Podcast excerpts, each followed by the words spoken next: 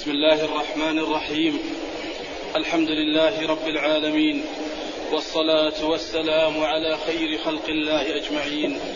محمد بن عبد الله صلى الله عليه وعلى آله وأصحابه ومن سار على نهجه واقتفى أثره إلى يوم الدين. قال شيخ الإسلام ومجدد الدعوة الربانية في الجزيرة العربية الإمام محمد بن عبد الوهاب بن سليمان التميمي رحمه الله رحمة واسعة رحمة واسعة وكتب الله ذلك في ميزان حسناته في رسالته الأصول الثلاثة.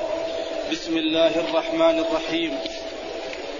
اعلم رحمك الله أنه يجب علينا تعلم أربع مسائل. الأولى العلم وهي معرفة الله ومعرفة نبيه ومعرفة دين الإسلام بالأدلة. الثانية العمل به. الثالثة الدعوة إليه الرابعة الصبر على الأذى فيه والدليل قوله تعالى والدليل قول قوله تعالى بسم الله الرحمن الرحيم والعصر إن الإنسان لفي خسر إلا الذين آمنوا وعملوا الصالحات وتواصوا بالحق وتواصوا بالصبر. قال الشافعي رحمه الله تعالى لو ما أنزل الله حجة على خلقه إلا هذه السورة لكفتهم وقال البخاري رحمه الله باب العلم قبل القول والعمل. والدليل قوله تعالى بسم الله الرحمن الرحيم فاعلم أنه لا إله إلا الله واستغفر لذنبك. فبدأ بالعلم قبل القول والعمل. في آية دي ما في ما يوم قل هذه آية ما يسمى فيه بسم الله الرحمن الرحيم. الحمد لله رب العالمين صلى الله وسلم وبارك على عبده ورسوله نبينا محمد وعلى آله وصحابته والتابعين لهم بإحسان إلى يوم الدين. هذه الرسالة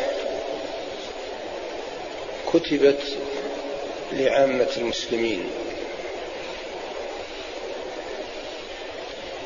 لأنها متعينة التعلم يتعين على كل فرد أن يعرفها. وهذا شيء معلوم في الدين ما هي يعني ما هو أمر مستحدث. ولكن لكون الناس قصروا في هذا الجانب اختصرها الشيخ رحمه الله واقتصر على الأمور المهمة التي لا يجوز للإنسان أن يجهلها. اختصار شديد واقتصار على على على بعض الأدلة الواضحة الجلية والتي يمكن أن الإنسان يعرفها كل واحد. وتعلمها متعين. والتعلم ليس مجرد قراءة. مثل هذه يجب أن تحفظ وتفهم. يفهم الكلام المراد. وذلك أن هذا سيسأل عنه الإنسان. يسأل عنه لأنه خلق لأجل ذلك. وإن كانت العبادة التي خلق الله جل وعلا لها خلقه كل ما جاء به الرسول من الواجبات والمحرمات ولكن هذا الخلاصة خلاصة هذا الشيء وهي كتبت للعامة ولم تكتب للعلماء. العلماء يجب عليهم غير ما يجب على العامة يجب عليهم أكثر من ذلك. ثم بدأ بالبسملة ابتداء بكتاب الله جل وعلا لأن أول ما في المصحف بسم الله الرحمن الرحيم. افتتح بهذا. واختلف العلماء هل البسملة آية مستقلة أو أنها آية من كل سورة؟ و أو أنها آية من سورة الفاتحة فقط؟ وبقية السور وضعت جعلت للفصل بين السورة والأخرى وليست منها وليست آية. يعني ثلاثة أقوال للعلماء. الراجح أنها آية من سورة الفاتحة. ولهذا يتعين على المصلي أن يقرأها. يقرأ بسم الله الرحمن الرحيم لأنها آية منها. هذا هو الراجح. وسورة الفاتحة سبع سبع آيات كما نص الله جل وعلا عليها. ذلك. والرسول صلى الله عليه وسلم أوجب قراءتها في كل صلاة. وقد اتفقوا على أنها جزء آية من سورة النمل. إنه من سليمان وإنه بسم الله الرحمن الرحيم. هذا شيء لا خلاف فيه. وإنما الخلاف هل هي آية من كل سورة؟ هذا قول. القول الثاني أنها ليست آية وإنما هي للفصل بين السورة والأخرى. وأما أنها آية من سورة الفاتحة فهو الراجح. ثم كذلك الرسول صلى الله عليه وسلم كان يبدأ بها في كتبه. إذا كتب كتابا كتب قبله بسم الله الرحمن الرحيم. كما رويت كتبه صلى الله عليه وسلم بهذا الأسلوب. وفي الحديث الذي رواه عدد من أهل من رواة العلم في الحديث أن الرسول صلى الله عليه وسلم قال كل أمر ذي بال لا يذكر لا يبدأ بذكر الله فهو أبتر. في رواية كل أمر ذي بال لا يبدأ به ببسم الله. في رواية بالحمد لله في رواية بذكر الله جاء فهو أبتر فهو أقطع فهو أجذن روايات والحديث في مجموعه حديث حسن. فيتعين إذن على الكاتب الذي يكتب كتب العلم أو غيرها أن يبدأ بذكر الله أولا. بسم الله الرحمن الرحيم. والباء للاستعانة. يعني أنه يستعين بهذا الاسم الكريم. وكل أمر مهم إن لم يكن الرب جل وعلا معينا عليه مهم وغير مهم. فلن ينجح ولن يتحصل على طائل. لهذا بسم الله. يعني أبدأ مستعينا بسم الله. أبدأ بهذا الأمر مستعينا بسم الله. واسم الله هو وصفه الذي سمى به نفسه جل وعلا وهو اسمه مبارك. إذا ذكر على شيء فإنه يتبارك ويزيد. وهو الذي إذا استعين استعان به المستعين أعانه الله جل وعلا. والرحمن الرحيم اسمان من أسماء الله جل وعلا. دالان على الرحمة التي هي الصفة وأحدهما أبلغ من الآخر لأن زيادة المبنى تدل على زيادة المعنى كما هو معلوم في لغة العرب. يعني زيادة الحروف دليل على كثرة المعاني. الرحمن أكثر من الرحيم حروفا. ولهذا جاء عن ابن عباس وغيره أنهما اسمان رقيقان وأحدهما أرق من الآخر ومعنى رقيقان يعني يدلان على الرقة والرحمة. وأحدهما أدل من الآخر الذي هو الرحمن ولهذا جاء رحمن الدنيا والآخرة. و يعني أنه جل وعلا رحمته وسعت كل شيء. هي كثيرة جدا. وقوله اعلم رحمك اكتفى بهذا بذكر الله بالبسملة. هذا يكفي. وكثير من العلماء يجمع بينها وبين الحمد لله لأنها جاءت الرواية بالحمد لله. ولكن إذا ذكر الاسم كفاية يكفي. هذا البخاري رحمه الله في صحيحه اكتفى بذلك بسم الله ثم ذكر الحديث إنما الأعمال بالنيات الأعمال بالنيات. قوله اعلم أمر أمر للسامع وهذا لأن هذا أمر مهم. وعند الأمور المهمة ينبه السامع بقول اعلم حتى تجتمع همته ويستعد لذلك. والعلم الذي يقصد به هو إدراك المعلومات وتيقنها على الوجه المطلوب على وجه المطابقة التي أريدت. وقوله رحمك الله هذا دعاء دعاء للسامع الذي يطلب منه معرفة ذلك. الدعاء مطلوب من المسلم لأخيه المسلم. والرحمة رحمة الله واسعة.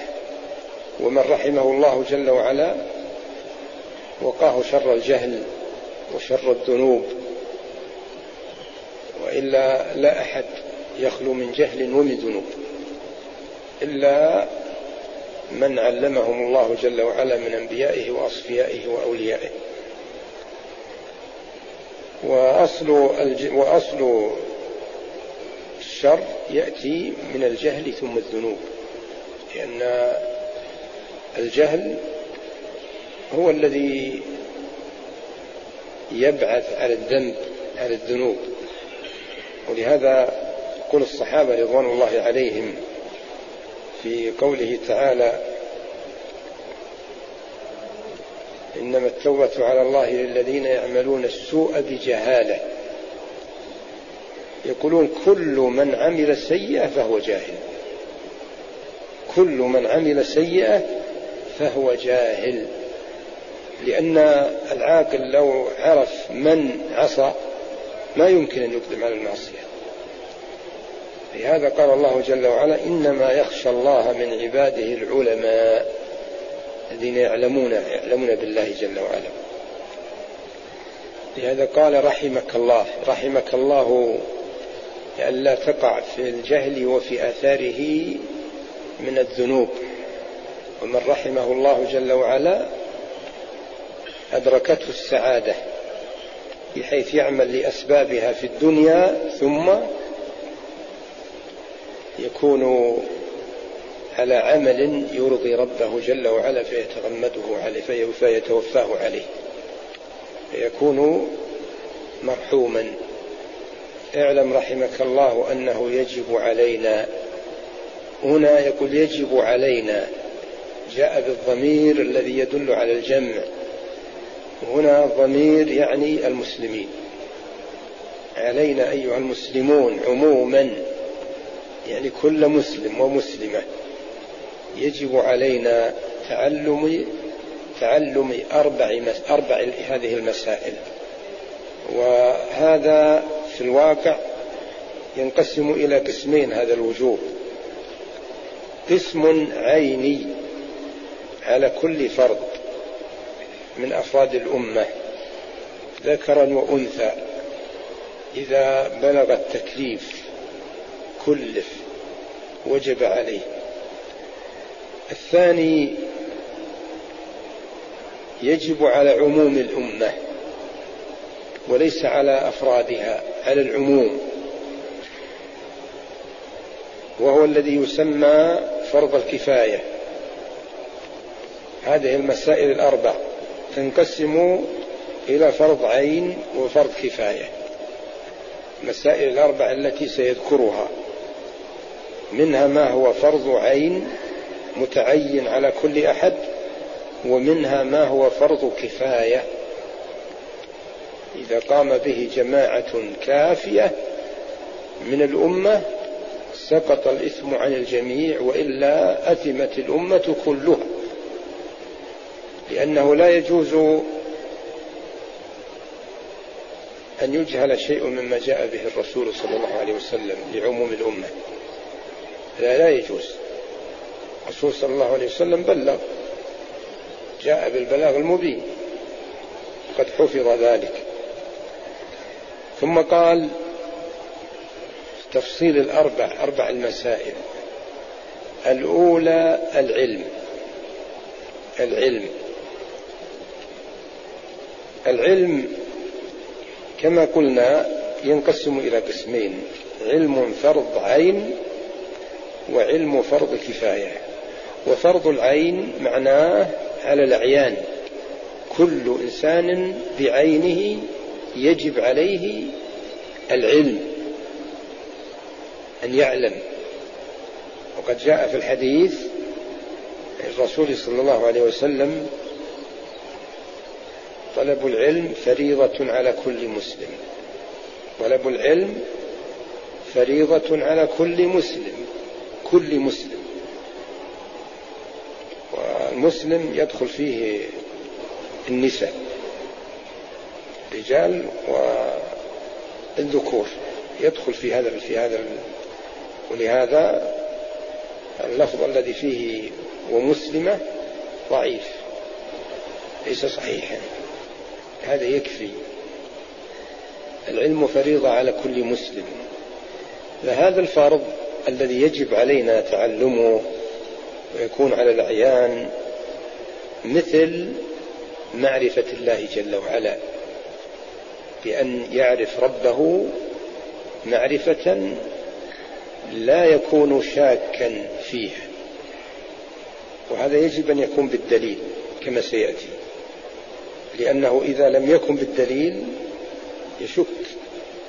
ومعرفة الدين ومعرفة الرسول صلى الله عليه وسلم. كيف معرفة الدين يكون فرض عين. قل نعم. يجب أن يعرف التوحيد عبادة الله. أن العبادة يجب أن تكون خالصة لله. مثل الصلاة والصوم والحج والزكاة الصدقة.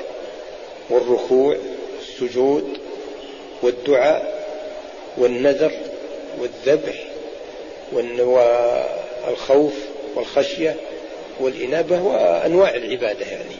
كل العبادة يجب أن يعرف أنها حق لله جل وعلا وليس لأحد من الخلق فيها شيء. هذا فرض. فرض على العبد أن يعرف ذلك.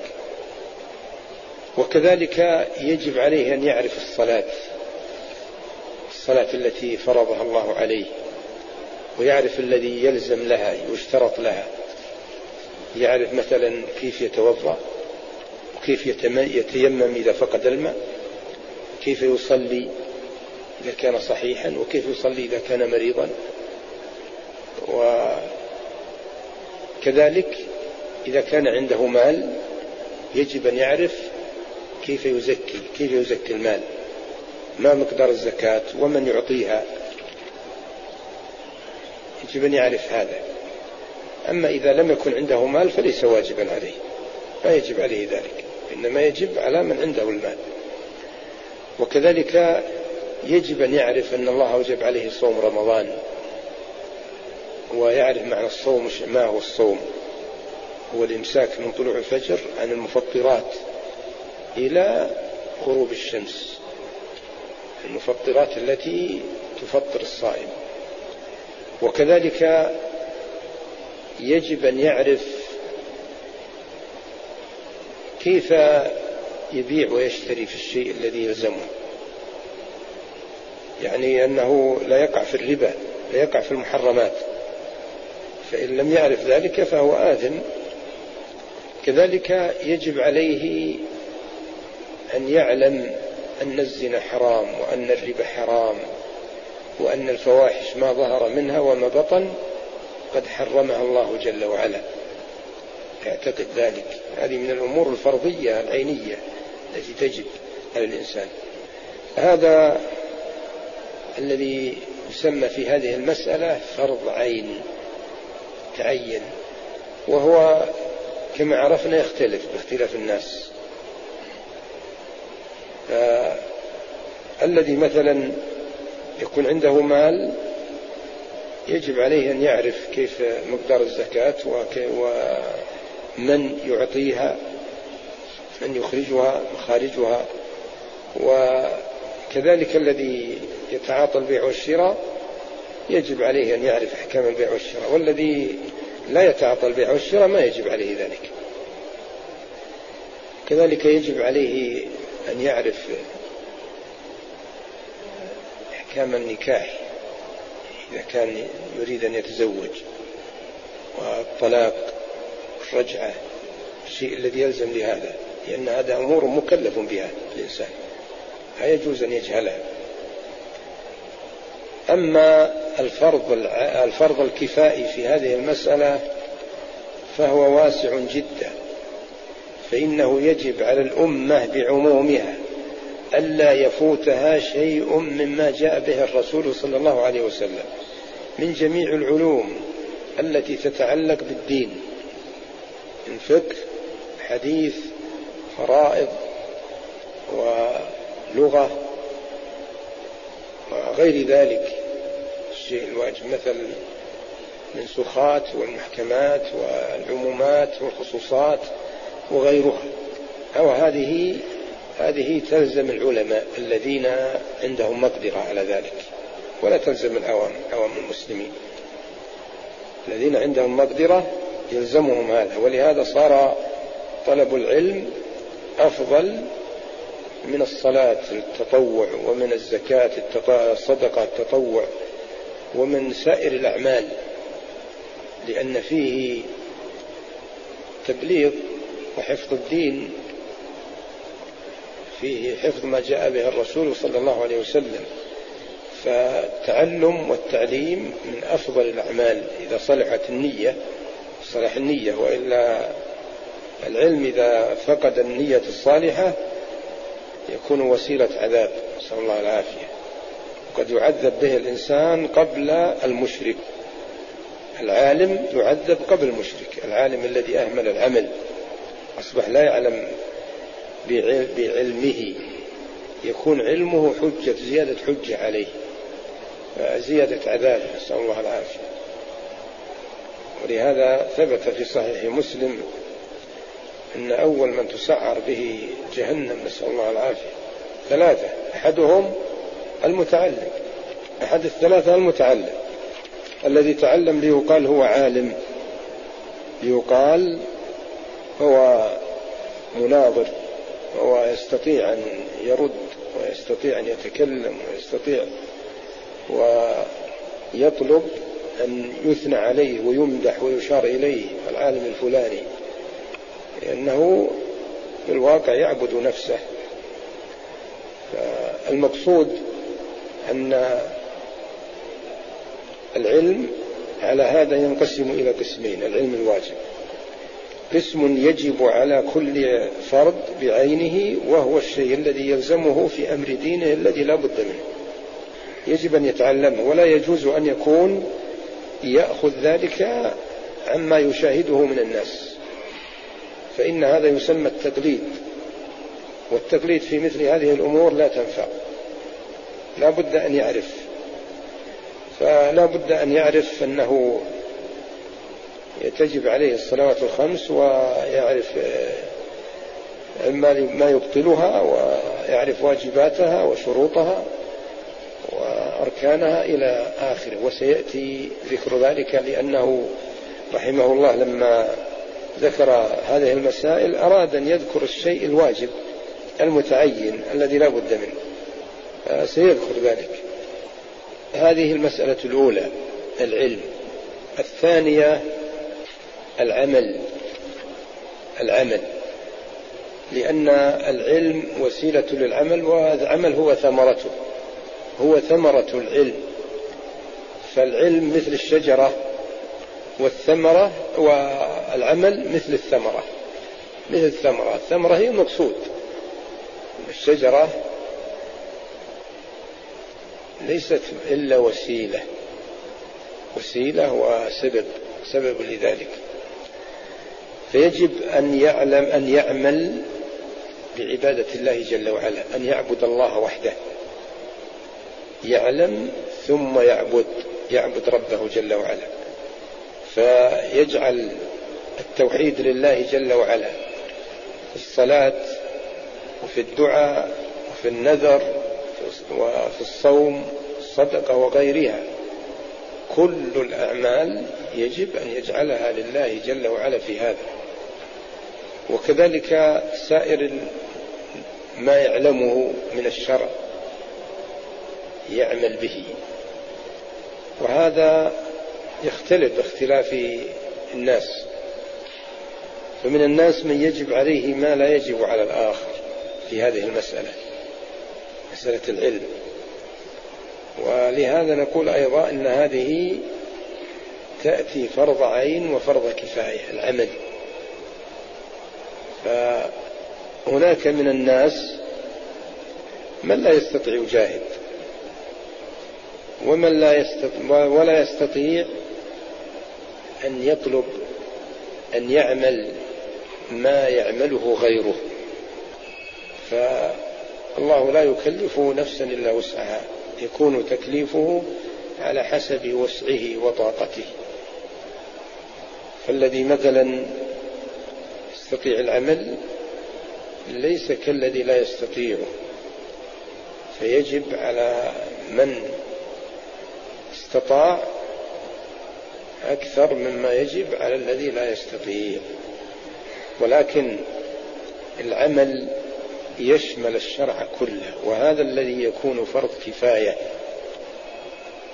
يكون كثير منه فرض كفاية. أما الشيء الذي يتعين على الإنسان بعينه فهو فرض عين. المسألة الثالثة الدعوة الدعوة إلى العلم الذي تعلمه أن يدعو إليه.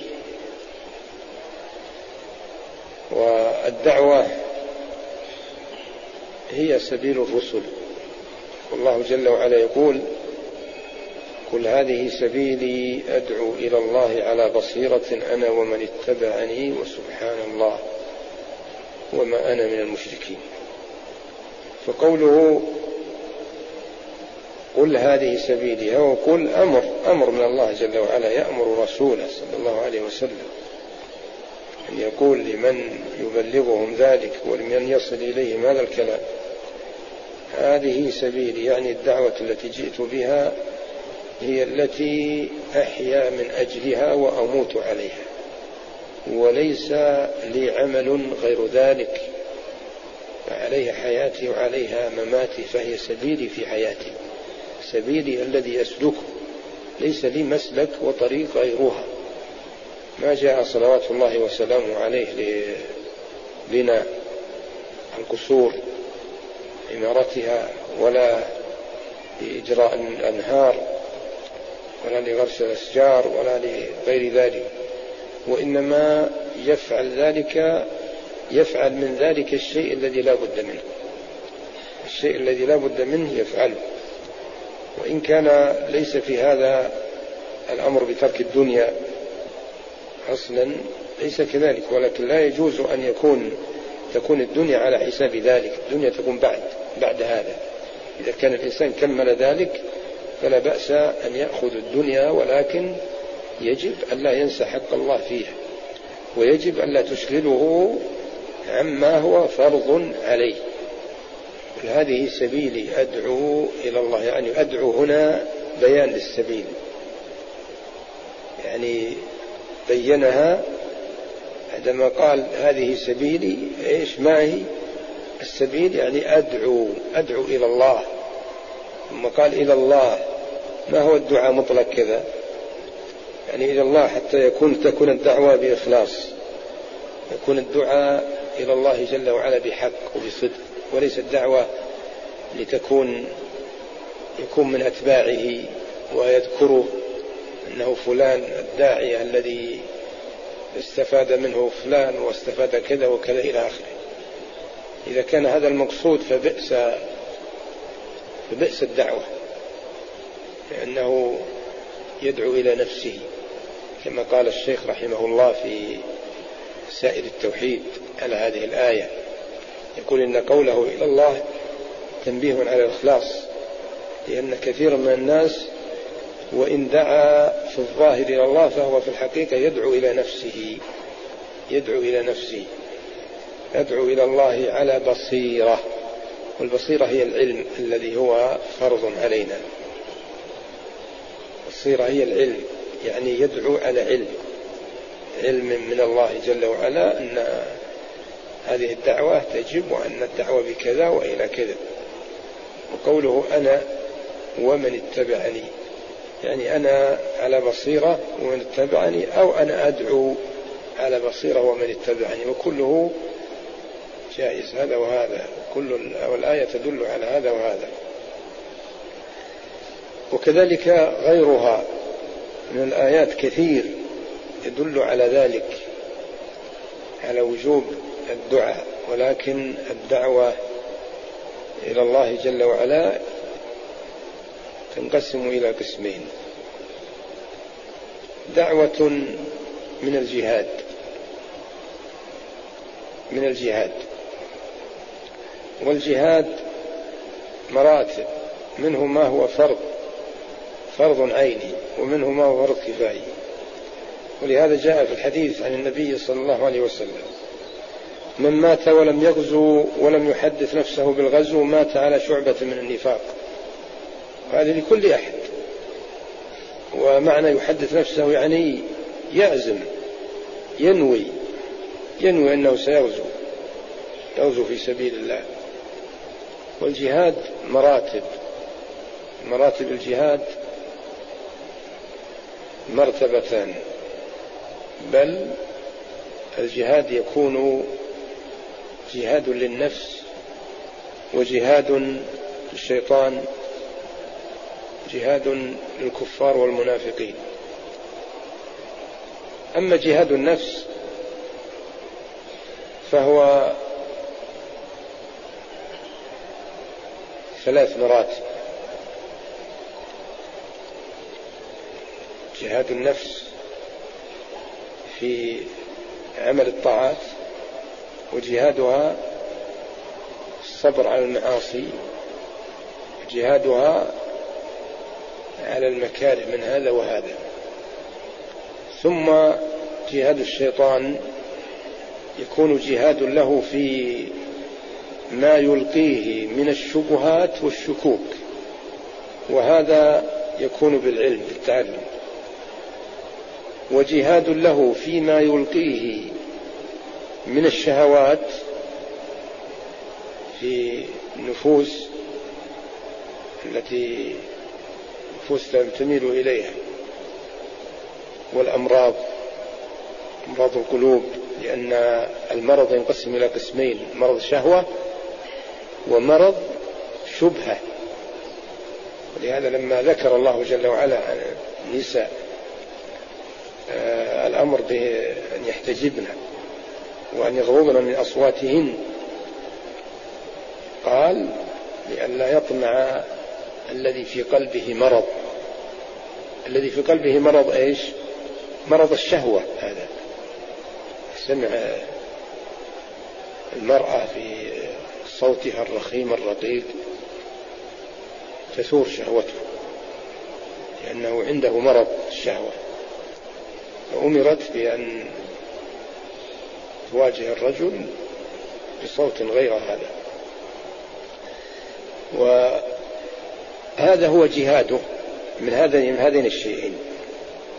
أما جهاد الكفار فيكون بالنفس وبالمال وباللسان.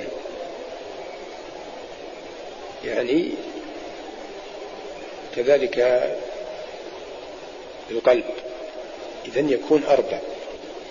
جهاد الكفار يكون مراتبه أربع. بالقلب. كيف يكون الجهاد بالقلب؟ يكون كراهتهم وبغضهم ومعاداتهم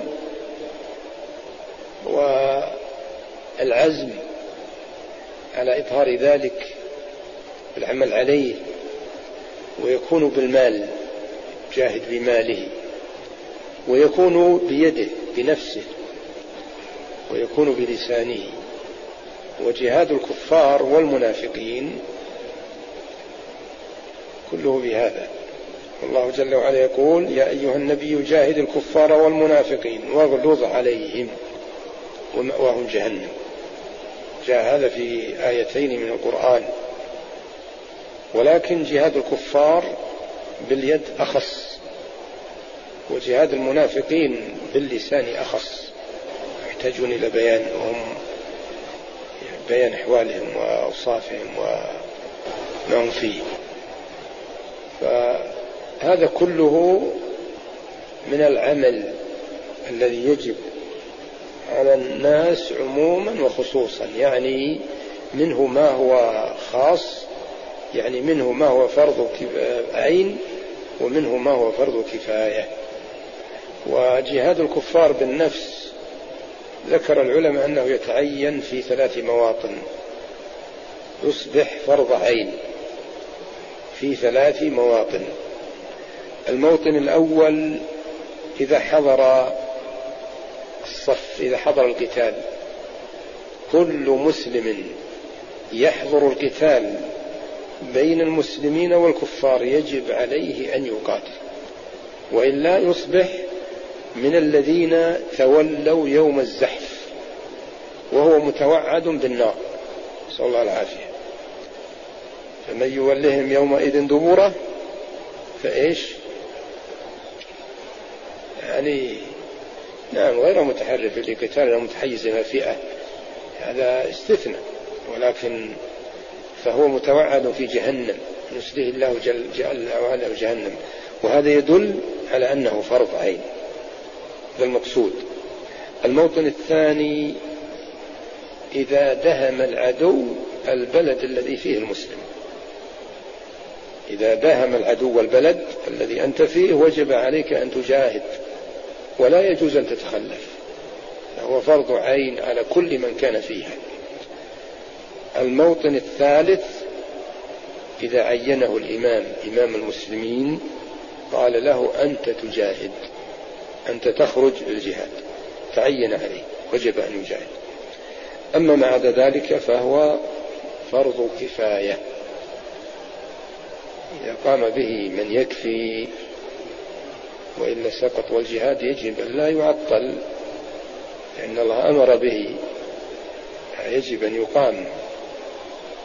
يجاهد ولهذا جاء في الحديث ما دام العدو يقاتل فالإسلام فيه عز أو عزيز. وجاء أنها تقبل التوبة ما لم تطلع الشمس مغربها وعند طلوع الشمس مغربها تعطل الجهاد. تعطل الجهاد في سبيل الله. لأنه لا ينفع نفس عمل تزيد به. والجهاد من أفضل الأعمال كما أخبر الله جل وعلا فإنه ثبت في الصحيح أن الصحابة الحديث الصحيح أن الصحابة رضوان الله عليهم تذكروا أي الأعمال أفضل أحب إلى الله. فأنزل الله جل وعلا سورة الصف. يا أيها الذين آمنوا هل أدلكم على تجارة تنجيكم من عذاب أليم؟ تؤمنون بالله ورسوله وتجاهدون في سبيل الله بأموالكم وأنفسكم. فالإيمان بالله قبل الجهاد لابد منه. ولكن الجهاد هو ذروة سنام الإسلام والجهاد أولا إذا يتبين لنا أن الجهاد منه ما هو فرض كفاية ومنه ما هو فرض عين. ففرض العين كون الإنسان يجاهد نفسه ويجاهد الشيطان. هذا فرض عين على الإنسان. يجاهد نفسه في فعل الواجبات أن يفعلها. الواجبات التي أوجبها الله عليه. ويجاهدها في كفها ومنعها عن المحرمات. التي حرمها الله جل وعلا عليه. هذا جهاد. والجهاد لا بد منه. لأن الحياة هذه حياة جهاد وكفاح كلها أما إنسان يجلس مسالم هذا لا يمكن. لا يمكن ينجح. يخسر لأنه تستولي عليه نفسه ويستولي عليه الشيطان فيهلك. إن لم يجاهد. نفسه والشيطان كذلك جهاد الشيطان فرض فرض عين. يجب أن يجاهده. والشيطان يرانا من حيث لا نراه كما قال الله جل وعلا. وهو يجري من ابن آدم مجرى الدم. يدخل في جسده ويشمه ويلقي خرطومه على قلبه. شمه ويرى ماذا يريد وماذا يحب. فيزين له ذلك. والله جل وعلا كرر مجاهدة الأمر بمجاهدته في آيات كثيرة وأمرنا أن نتخذه عدو والعدو يجاهد. هذا الذي هو فرض عين أما فرض الكفاية فهو معلوم مجاهدة العدو باليد بالمال وكذلك جهاد القلب على كل واحد. ما يسكت. جهاد القلب على كل واحد. يجب أن يجاهد بقلبه ما يجوز أن يخلو القلب من مجاهدة أعداء الله. هذه مسألة الدعوة إلى الله أن يدعو إلى الله. فتكون الدعوة من الجهاد الجهاد من الدعوة. الجهاد منها. الدعوة واسعة. أمرها واسع. يكون بالقول يكون بالتعليم ويكون بالعمل بالاكتب أن يكون الإنسان قدوة يدعو بعمله أن يعمل. يكون كذلك بالمال ويكون باليد ويكون بالكتابة كتابة يعني البيان بيان حكم الله جل وعلا وحكم رسوله صلى الله عليه وسلم وبيان مثلا تمييز الحق من الباطل فيما يلتبس به وقد يلبس به أعداء هو من الجهاد من أعظم الجهاد. البيان بال ثم المسألة الرابعة قال الصبر على الأذى فيه. فالصبر أيضا يكون صبر متعين على كل أحد. بحسب الشيء الذي يلزمه فيه. صبر على طاعة الله وصبر عن معصية الله. وصبر على أقدار الله وأحكامه القدرية. فيكون الصبر أقسام ثلاثة. وهو واجب. صبر على طاعة الله وصبر عن معصية الله وصبر على ما يصيب الإنسان من المصائب. أصابه شيء وجب عليه أن يصبر. لا يجوز أن يتسخط قضاء الله جل وعلا. ولكن هذا داخل فيه الصبر على الأذى فيه. يعني الدعاء العلم. إذا علمه الإنسان ثم عمل به ثم دعا إليه لا بد أن يؤذى. كل من دعا لا بد أن يؤذى فيجب أن يصبر على الأذى. أمر بذلك وأمر رسوله في كثيرة أمره بالصبر أمره أن يصبر صبرا جميلا أمره أن يدفع بالتي هي أحسن وأن يصبر ويحتسب صبره بالله اصبر وما صبرك إلا بالله. وقول كثير من المفسرين أن الآيات التي جاء فيها الأمر بالصبر أنها منسوخة بآية السيف غير سديد وغير دقيق بل هو خطأ خطأ في الواقع. وإنما إلا إذا أريد بالصبر بالنسخ قيل التخصيص لأنه قد يطلق النسخ ويراد به التخصيص. أما إذا أريد به إزالة حكم بإبداله بحكم آخر هذا لا يجوز أن يكون. ولهذا ذكروا أن آية السيف نسخت ما يقرب من خمسمائة آية وهذا غير صحيح. آية السيف ما نسخت شيء. ما نسخت شيء. وإنما نسخت آية السيف نسخت الأمر بعدم الجهاد. بعدم جهاد الكفار. نسخت لأن الجهاد أول كان ممنوع. ممنوع أولا. لما كان المسلمون في مبدأ أمرهم. وكانوا في مكة وكانوا قلة. بحيث لو جاهدوا يمكن يقضى عليه. كانوا ممنوعين من المجاهدة. مأمورين بالصبر. ثم بعد ذلك أذن لهم في الدفاع. أذن للذين يقاتلون. أذن لهم في القتال دفاعا عن أنفسهم. وعن أموالهم وأولادهم فقط. ثم بعد ذلك جاء الأمر بالجهاد. قاتلوا الذين يلونكم من الكفار وليجدوا فيكم غلظة.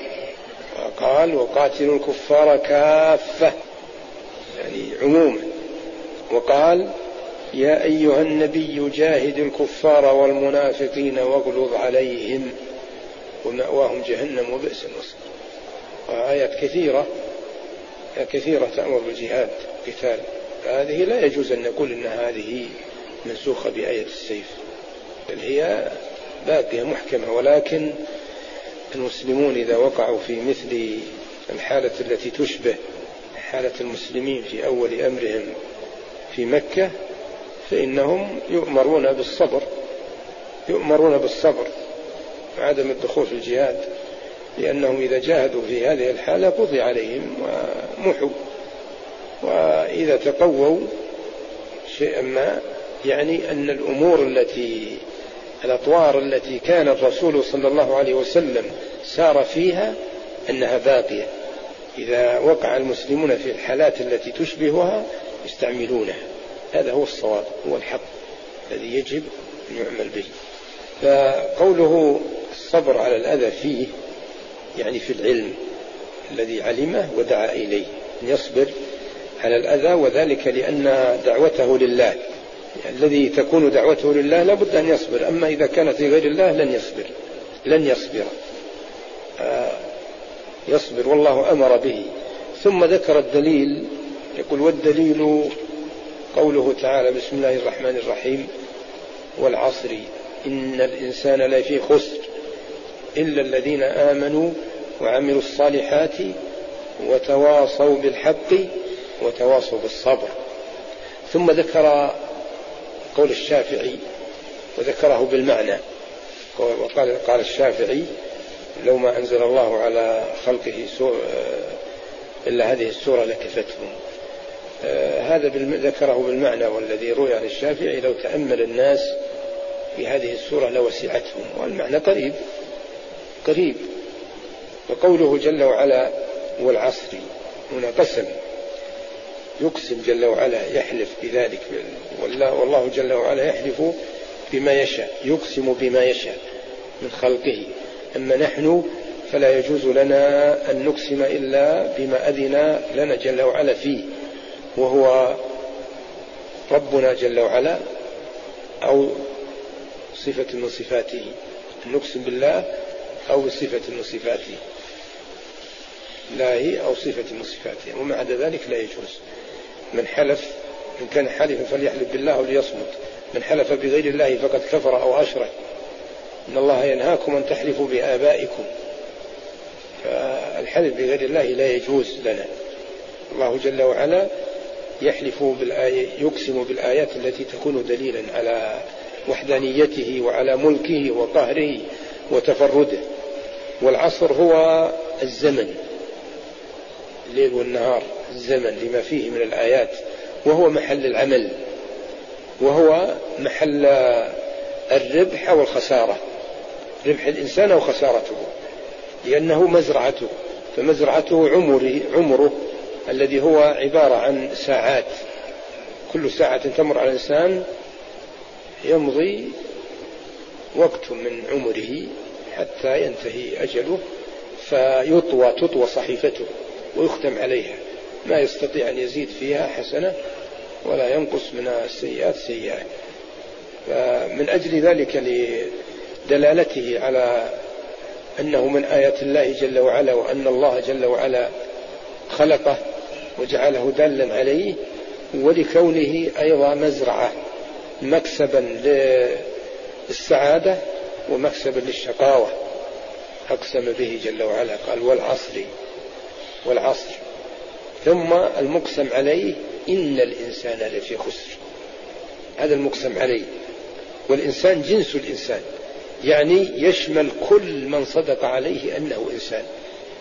من ذكر وأنثى. إن الإنسان لفي خسر. يعني كلهم خاسرون. كل إنسان خاسر. ثم استثنى من الخاسرين الذين آمنوا وعمل وعملوا الصالحات. الذين آمنوا وعملوا الصالحات وتواصوا بالحق وتواصوا بالصبر. هنا آمنوا وعملوا. يلزم أن يكون الإيمان عن علم. سبق الإيمان علم وإلا ما يفيد. ثم الإيمان عمل. الإيمان عمل. عمل في القلب وعمل في الجوارح. ثم التواصي بالحق الدعوة دعوة إلى العلم الذي ذكره الإنسان لأنه يدعو يجب أن يدعو. فالدعوة فيها التواصي يوصي بعضهم بعض بالحق والعمل به والتمسك به. ثم تواصوا بالصبر. فإذا السورة فيها المسائل الأربع. فيها المسائل الأربع التي ذكرها فهي دليل دليل على وجوب ذلك وذلك وجه الدلالة واضح وهو أن الإنسان خاسر إن لم يكن مؤمنا وإن لم يكن من الذين آمنوا وعملوا الصالحات وتواصوا بالحق وتواصوا بالصبر. فالإيمان يسبقه العلم والإيمان عمل وعمل الصالحات تأكيدا وزيادة زيادة بيان. والتواصي بالحق دعوة دعوة إليه دعوة إلى هذا العلم. والتواصي بالصبر أن يصبر على ما يناله فيه. ولهذا تكون السورة جامعة جامعة عظيمة عظيمة جدا. لو ولهذا يقول الشافعي لو تأملها الناس لكفت لوسعتهم. لو تأملوا معانيها التي دلت عليها لوسعتهم يعني في دينهم وفيما يلزم يلزم يلزمه هذا معناه معنى وسعها أنها تسعهم. فيما يلزمهم في عبادة الله جل وعلا ودينه. ثم ذكر دليلا آخر وهو ما ذكره البخاري مستدلا به على هذا المعنى. فإن البخاري قال في صحيحه العلم باب العلم قبل القول والعمل والدليل لقوله تعالى فاعلم أنه لا إله إلا الله واستغفر لذنبك. فبدأ بالعلم قبل القول والعمل. والقول هو قول لا إله إلا الله. فاعلم. ثم قال أنه لا لا إله إلا الله. والعمل واستغفر لذنبك. فدل على أن العلم يسبق وأن العمل لا بد منه. والعمل يكون منه القول. والقول هذا الذي ذكره البخاري هو أول فرض على الإنسان. أول فرض على الإنسان ولكن يسبقه العلم. والفرض على الإنسان أن يشهد أن لا إله إلا الله. لا إله إلا الله محمد رسول الله. هذا أول ما يجب على الإنسان وهذا هو الذي جاءت به الرسل. من أولهم إلى آخرهم. فأول رسول يقول لقومه اعبدوا الله ما لكم من إله غيره. وهذا معنى لا إله إلا الله. وكذلك الذين جاءوا بعده. ويقول الله جل وعلا ولقد بعثنا في كل أمة رسولا أن يعبدوا الله. يعني كل رسول يقول لقومه اعبدوا الله ما لكم من إله غيره. أن يعبدوا الله واجتنبوا الطاغوت. فعبادة الله هي معنى لا إله إلا الله واجتنب الطاغوت الذي اشتملت عليه الكلمة. الكلمة اشتملت على نفي وإثبات النفي. هو نفي المعبودات غير الله جل وعلا وهي الطواغيت. والإثبات إثبات العبادة لله وحده. فإذا قوله باب القول العلم قبل القول والعمل أمر متفق عليه بين العلماء أنه يجب على الإنسان أن يعلم أولا وذلك أنه إذا عمل بلا علم فيكون عمله شبه فعل الساهي والسكران ومجنون. ما هو ثابت ليس ثابتا. وإذا شكك بذلك شك. وإذا نسي نسى. خلاف الشيء الذي يكون بالعلم فإنه يثبت ولا يتزحزح عنه فلا بد منه. ثم لا بد من العمل بالعلم. يعمل بعلمه. ثم بعد ذلك يصبر يدعو ويصبر على الأذى فيه. فهذه المسائل الأربع تبين منها أنها تكون فرض عين وتكون فرض كفاية. وقوله اعلم رحمك الله خطاب لكل فرد من الأمة أن هذا يجب عليه وعليه أن يعرف الشيء الذي يلزمه والشيء الذي يلزم الأمة عموما ليس لازما له إذا لم يكن من أهل العلم.